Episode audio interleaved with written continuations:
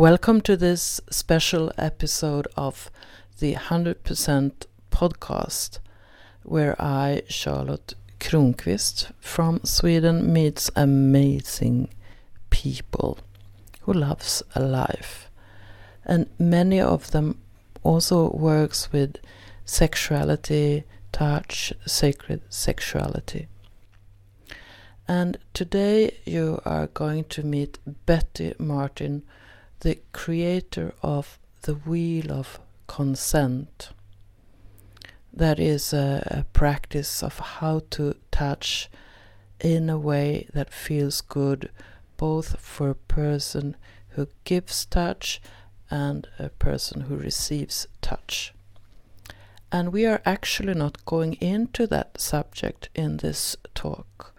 It's more about who Betty Martin is and what has formed her. And we met uh, at Swedish Midsummer 2015 in Berlin. And I had just gone through her course like a pro how to to use the wheel of consent in a practice. And we are sitting close to the S-Bahn Frankfurter Allee. And you could hear that because sometimes there's a little sound in the background. And that's the S-Bahn passing by.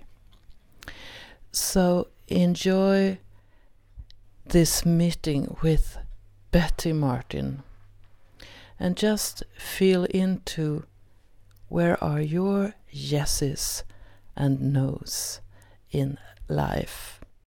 I'm sitting with Betty Martin in Berlin, and I've just gone through a workshop about the wheel of consent. So, Betty, what makes you go up in the morning? Oh, what makes me get up in the morning? Usually because I have to go to the bathroom. but I think what you mean is what is exciting to me. Yeah. I'm passionate about helping myself and other people learn about what they want, what they don't want, and how to take responsibility for that and the freedom that comes from that. It's the freedom part that I get excited about.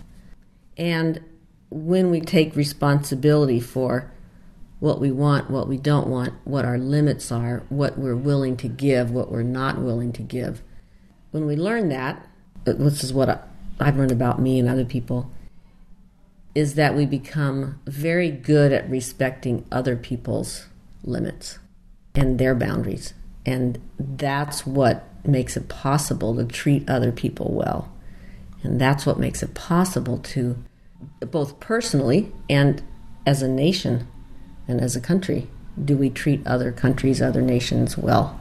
Gets me really excited about it, yeah. How did you learn what you want? Um, that's a long process. And I think I think as small children we know and then we gradually learn that that doesn't matter or it doesn't count or we're not supposed to want that. So we learn to sort of shut that down. And as a female, I was also taught that part of the woman's job is to keep everybody else happy. And um, I think men are taught this similarly, but in a different way. And so, very often, it, you know, it's there are times when I I'm not sure what I want, and it may take me a while. I remember asking my mother one time. I was a teenager. My older brothers were home, and we were going on some to dinner or something. And I asked her. Everyone's talking about, well, let's do this, let's do that. And I asked my mother, well, what do you want? What would you like to do? And she said, I have no idea. No one has ever asked me that. And that was probably literally true for her, knowing her parents and knowing my father, her husband. She had probably never been asked what she wanted. And, whew, uh, uh, what I have, so how I have learned is that people have asked me, and I have, I have been in situations where I gradually was able to learn mostly through touch. Yeah, learning how to be touched in the ways that I want. And then when I was working with, I, I work with clients and students teaching choice and sexuality and touch. As I worked with my students and clients, that's where I began to notice how common it is and it's pretty universal. Everybody, to some degree, struggles with this question, it seems. A little or a lot. The situation with your mother, was it like a seed was planted in you there? Uh, probably, yeah. I, I'm not sure I noticed it at the time. But somehow you but, you remember. But I but it definitely sticks in my memory. Later in my 20s, 30s actually, when I began to learn about sexism and the different ways that females are raised and males are raised and how that affects us and how that affects society and I I learned a lot there. Um, I began to see that pa- pattern that repeats itself and how women are raised. Um, and I was also able to see the pattern of how men are raised and the the ways that they are pushed into things that they don't want. Also, a slightly different. Typically, it's a slightly different set of things you're supposed to want or supposed to be okay with, but still, it happens to all of us. So, how come you got in touch with touch? I have always been very comfortable with hugs and cuddles, and um, my family was reasonably affectionate. And then I was a hippie. This was the late 1960s. And of course, there there were piles of people, you know, literally, people all piled up in a pile. And um, so that just seemed the most natural thing in the world. And then later, I went to chiropractic school, and I, I worked as a chiropractor for almost 30 years. And so that, of course, is very touch oriented. And that touch is very specific and it's very clear. And it requires using your touch not only to do something, but using your touch to take in information. So you're feeling the person's spine and their neck, and you're feeling where the bones are and what bones are moving, what bones are not moving. So your hands are taking in a lot of information. And that has turned out to be, it's turned out, I've noticed over time that that's a very key piece to being able to touch anyone with quality is being able to notice with your hands, take in information with your hands. So there's a kind of a presence in your touch. Yes. I think my hands are very confident that they're allowed to be there and so they relax, and that makes all the difference. And as I've studied it over the last few years, what I've noticed in people, people want to learn to touch well. And that's really a lot of what I teach. And the biggest part of that, which is a surprise to people, is the ability to use your hands to feel, to notice, to take in the information about the person that you're touching. And it's like I think of it as the inflow.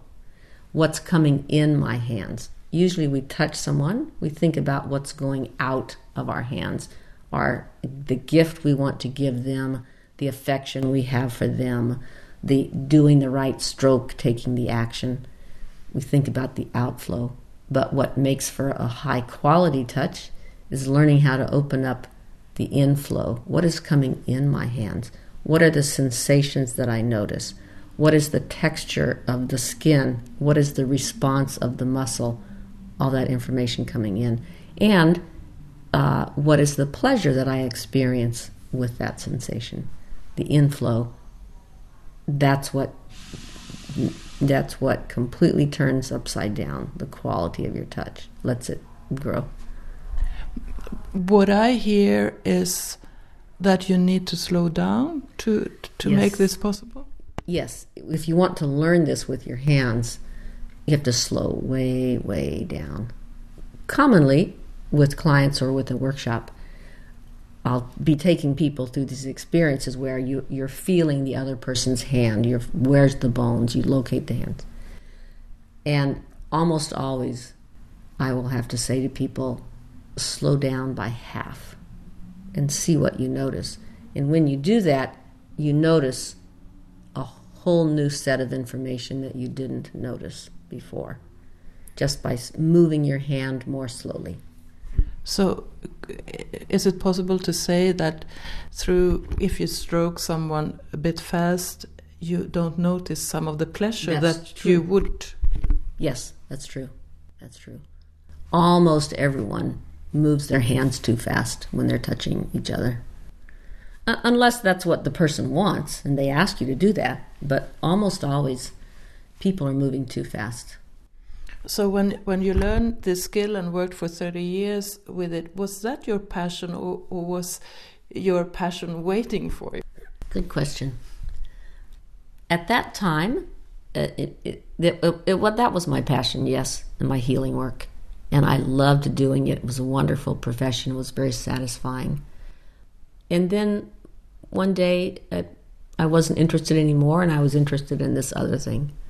So there was a switch. There was a change there. It's like you could say, this day it turned. Well, actually, it did. That's probably unusual, but I remember uh, I had a chiropractic office for many years. I bought a new office. I painted it. I built the, you know, cabinets in. I did everything. It was wonderful. I worked there for about two or three months.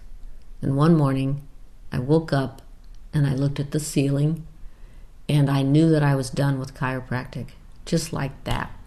It was a little bit of a surprise, like, I am? Okay, well, what do I do next? and as it turned out, it took a while. You know, I had to bring another doctor and different things. It took, it took a couple of years. Um, do you feel that you had a guidance mm, from somewhere? yes, that, that I think so. Whether one thinks of the guidance comes from outside or whether you think of it, it comes from within. I'm not, not sure it matters or I don't care. But I definitely felt it was an intuitive move for me. It's like I just knew this is true about me. It's time to change.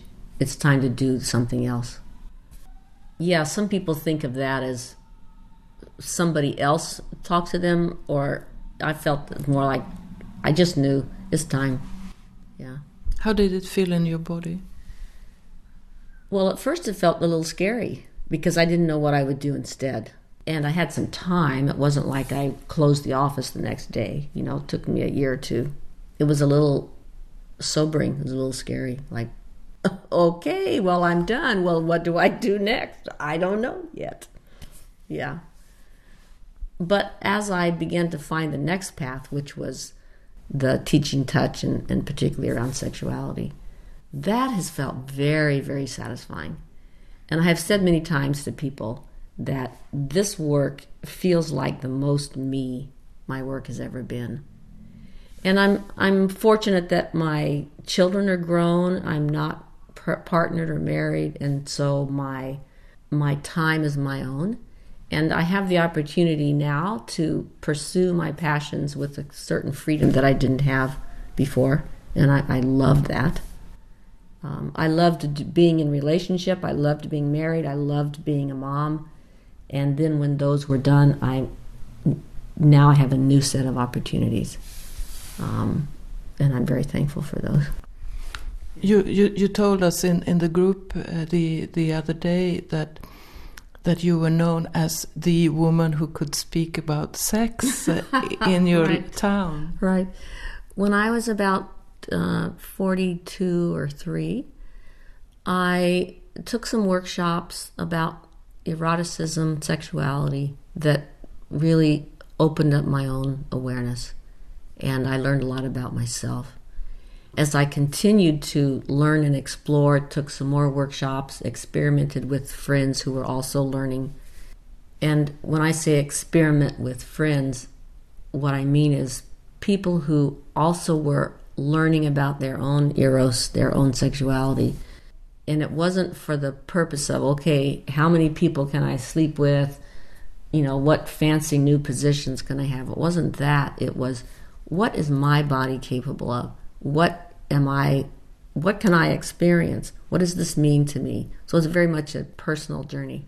So during those few years, as I was learning more and more, I became very comfortable talking about what I was learning. And not everyone is comfortable talking about sex. I'm very comfortable talking about sex. It's one of my favorite subjects now. So so I was still doing my chiropractic office at that time. My children were teenagers. And I lived in a small town. So it became known that Betty was someone who was comfortable talking about sex. And so mostly women would come to me and want to talk about what their questions and so forth. And so in that way, I was becoming a resource to people around sexuality. Later, I closed my chiropractic office and opened an office where I actually could teach people and coach people. But that was the first part. Yes, here's a person who can talk about sex, and that's a real gift to your community because most people can't, or we, we don't know who to go ask. Isn't that amazing? yes, it is it's pretty universal. People are interested in sex, but we're so taught to shut it down and not talk about it. Yeah. And and I mean, I noticed that you say that you're happy that your children are grown up mm -hmm. now, and I speak about sex as mm -hmm. well, and my children are grown up, mm -hmm. and mm-hmm. for some while they were kind of disturbed about, yeah. the mother right. talking about sex. Yeah, yeah, that was the case for me a little bit. My kids were teenagers when I was beginning this journey. And they knew that mom is doing something kind of weird and it has to do with sex. And I shared with them whatever they wanted to know. Uh, I had no, it wasn't, I had, there was nothing to hide. But I also didn't tell them more than they wanted to know. And, uh, and they began to appreciate, they did appreciate that their mom was now able to talk about things that most moms were not able to talk about. Um, and my my daughters, when they were about twelve and fourteen, something like that, we had a couple of slumber parties where they um, they invited their girlfriends, and I invited two of my friends who didn't have children but were also exploring and could talk about sex. We had costumes and things for the girls to play with. It was just loads of fun. And they put their questions in the hat about sex, and then the three of us grown ups answered them. It was so fun, and, and they asked very interesting and important questions, sometimes about sex and genitals itself, and sometimes more about relationship and desire and stuff. And then we did that again a year or two later, and we called them um, sex ed slumber parties. What's slumber? A slumber means uh, a sleepover. Oh. Yeah. So all the girls came and they brought their sleeping bags and slept over, uh, which is a common thing in the U.S. Hmm. So yeah, I became then a resource for them and their children as well. Later, when my daughter was in her 20s and had a small child, we, we moved back to that town and she she hosted a group for high school girls where they could talk about anything that they wanted. So she was their mentor. And during that year, she asked me to come one time and be their sex question answerer. And so we did the same thing then for the sort of the next generation. That was very fun. I felt very honored to do that. Yeah, and then she, your daughter, acknowledged mm-hmm. you as yeah. this. Yeah, yeah. They they were always they were always fine with it, and and I think it's because I answered their questions, but didn't push more on them than they actually wanted to know, and uh, yeah. I have about the same strategy, uh-huh. not like try to push something yeah. on them. Yeah. I'm here if you have questions. Yes. More like. Yeah. So did did you have an idea that this was kind of a transition phase that this would lead you to your passion? Um, I didn't feel that at the beginning. I I was on this experimenting journey for me. Uh, I had no intention to teach it to others. I just knew I needed it myself. And I, I feel fortunate about that too because when we undertake a journey that's for ourselves, we grow, we learn, we become more aware. Then we're naturally a resource to other people. But, you know, if I had undertaken, okay, I'm going to, you know, learn enough to teach, then there's a certain, there can be a certain distance of like this, there's a distance of not being personally, emotionally involved. It was a personal journey. And out of that grew my ability to be a resource to other people. Yeah, because so I, didn't, I didn't know it at first. Yeah. Yeah. So because otherwise you're like in it and then watching it at the mm-hmm. same, observing Yeah, it at the same yeah. time. And I've come to see that our own inner resource, the the patience, our compassion, our comfort with our own feelings, our inner awareness, those are the things that are actually a resource to people. Then we add skills on top of that, techniques that we might learn that interest us. But the real skill is can I be compassionate and interested and accepting and attentive to this person in front of me? That's the real gift. And that is developed with experience, but it's not, and it can be taught, there you can learn it, but it's not a technique. The technique is extra. So you have worked a lot on your emotional body, so to speak. But yeah. does it still happen that you are uncertain or feel ashamed or Of course. I'm not dead. of course. And something has happened. I'm I'm 64 now, and something has happened in the recent years, handful of years, where I was able to fully embrace how utterly mixed up, messed up, confused, and fucked up I am. And that has been a tremendous liberation. I was raised, I think, with okay, you have to get it right so that you can be okay, you know. Like many of us have that. And when I could finally say, you know what, I'm as fucked up as everybody else, well, by golly, that's a big relief. And now, and and as I am more familiar with my own pain, I have compassion for other people, and I I, I think that's the source of of real compassion, as we we are intimate with our own pain. We have compassion for other people's. what I hear is a softness as well. Mm. I think that comes from that. Yeah. Yeah, that's what that feels like. I have an idea that some sometimes when people see a teacher, they want to like put them up on a pedestal Mhm. and like she's learned everything. There's no shadows no more. And No, it's not.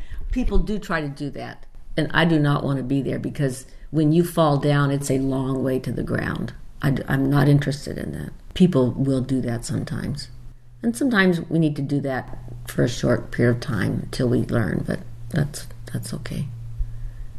What I will also say though is that there's a great for me has been a great satisfaction in finding out that people are interested and want what I have to offer. Has been very satisfying. It wasn't something that I was raised with, you know. The kids, they don't know anything, they don't have anything, and certainly the girls, they don't know anything. So, gradually developing my own self and my own skills and what I have to offer is very satisfying that people want it. And that not everybody wants it, and that's just fine with me. If you st- stand up and look like in the rear window and, and Mhm. look at yourself like 20 years ago, Mm-hmm. who were you and who who are you now? Is is there a difference? Great question. Whew. Well, 20 years ago, I was fairly newly divorced and I was a mess. and uh, I was brokenhearted. And I was also learning how to live my life instead of living our life. So it was a, it was a time of intense learning. It was also when I was beginning to learn about my own eroticism 20 years ago. So, and that was a time also when I was, um, I was becoming aware of myself emotionally and spiritually in, in a lot of ways. So it was a time when the, the my feeling was, wow, there's a whole world here that's possible, and I have no idea what it is. And I'm walking in that direction. I'm going that way. I don't know where it takes me. I just know that my feet know where to take me, and I'm going that way. That's a very distinct feeling. Um, and uh, oftentimes I feel that way too. I, I trust my feet. If my feet say we're going that way, I say, okay. At that moment, did you know what you wanted? No, I knew, well, I knew that I wanted to experiment and I knew that I wanted to explore. What I didn't know is what it would look like. But I was very clear that I, I, I want to explore this. That I did know because I, I remember my first divorce and then I had my children every second week and the week without the children it, it I felt lost. I oh, didn't oh, yeah. I yeah. had no idea what I wanted. Exactly like you spend your whole life taking care of this bunch of people and now what? You know is there any, what what's left? Is there any me here? Yeah it was very hard and very liberating. And and to me it's it it has been really interesting to slowly find out yes what does my heart yeah. want, for example. Yeah. yeah. Is is there any part of you guiding you? For me, I'm I'm a heart listener at mm -hmm. the mm-hmm. moment, mm -hmm. but could you place it somewhere within mm. you? My gut, I think, is where I'm most aware of it. My belly. I I remember also, particularly in those early years of exploring sexuality, that as I became more aware of my my genitals, that I began to notice that there are certain things that they knew that I didn't know, like, and so if I meet somebody new or in a new situation, I sort of ask my genitals, well, what do you think? You know, do you feel like opening up? Do you feel like closing down? It was like it was a body signal of my comfort and, and interest. Wow! So you learned it, learned to trust your. Yes. Yeah. Yeah. And um, I, I I don't I don't have that particular focus now. But you know, things change. Now I'm more aware of my gut. Like, in particular, I'll notice if it's tight. I ask myself, "Well, what am I afraid of here?" And sometimes it's that's an important question because there are things that we sh- need to be avoiding or that our body says don't go there. That's not good for us. So um, i think probably that's most of most of where my signals come from. What we choose when is there a no and uh-huh. when is there a yes? Yes. Is any of them more easy to distinguish? Mm. hell yes. I think, yeah. I think it's easy to distinguish if it's if the feeling is strong. It's like hell yes, or no way. But it's the in between ones that are harder. The, the ones that are kind of like, oh, that looks kind of interesting, but I'm not too sure. Yeah, those are harder to distinguish and they'll take longer. And sometimes I notice that if I get grumpy for a few days, that that's my signal that there's something that I am not asking for that I that I want, but I don't know what it is yet. And I'll be for a few days until it be until I become aware of it. And then, oh, that's what's bothering me. I need to ask for this, or I need to say no to this, or I need to stop doing this.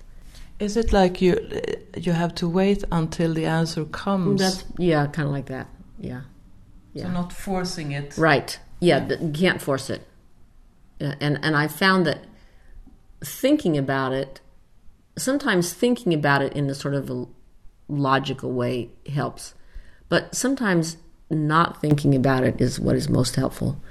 And it's like those the messages have to gradually get from my belly up to my head. You know that takes a few days sometimes, and I I've come to trust that process of letting the information arise from my body and gradually make its way to my head.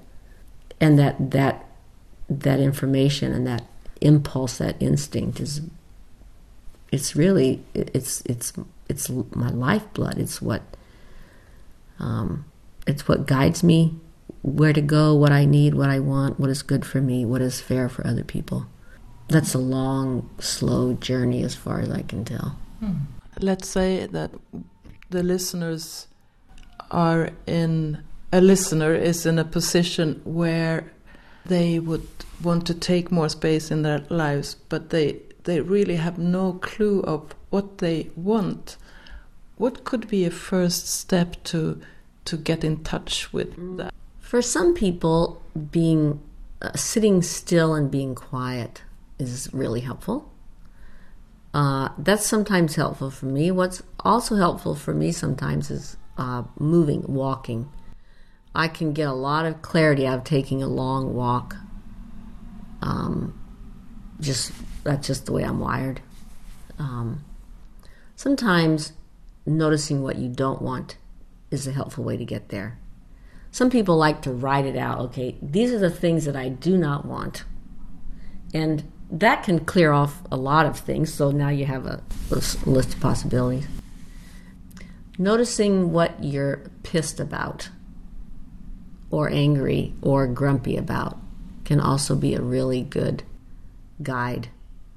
Like, what am I, like, this is not okay with me. That's a, can be a really good place to start.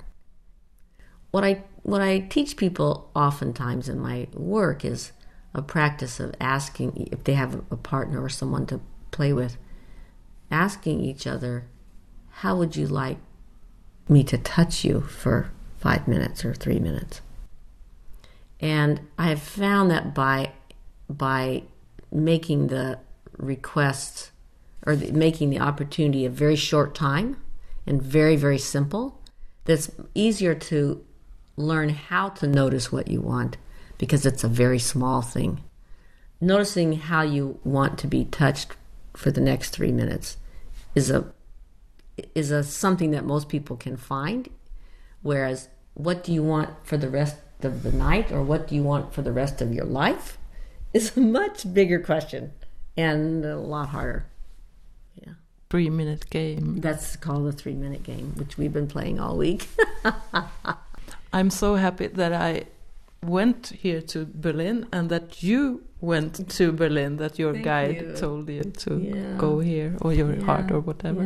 Yeah, yeah. Thank you so much Thank for you very me. much. It's been great to meet you, and hope we have more to do together. I just love Betty Martin. She's a fabulous, amazing woman and also a courageous person going into experimenting and experiencing her sexuality and her sexual energy in her 40s and then create the wheel of consent.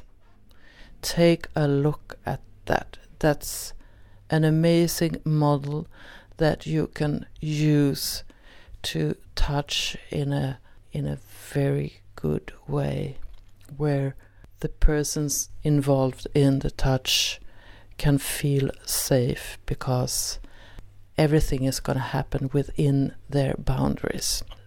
So you can just take a moment and reflect on how would it be to to meet a person and do the 3 minute game? How would it be to just feel into what kind of touch would my body like in this moment last summer betty martin went to europe for the first time and she gave courses in different countries. And this summer she's coming back to europe and, and she's giving like a pro this year as well. So if you have a chance meet betty martin. Learn more about touch. Get more in contact with your presence with your boundaries and get more in contact with your own curiosity to have a really fulfilling and exciting life. The 100% podcasts is made by me, Charlotte Kronqvist, living in Sweden. Most episodes are, of course, in Swedish since it's my mother tongue. But now and then I do a special in English. And I'm happy for you listening to this and and I hope you have enjoyed this conversation.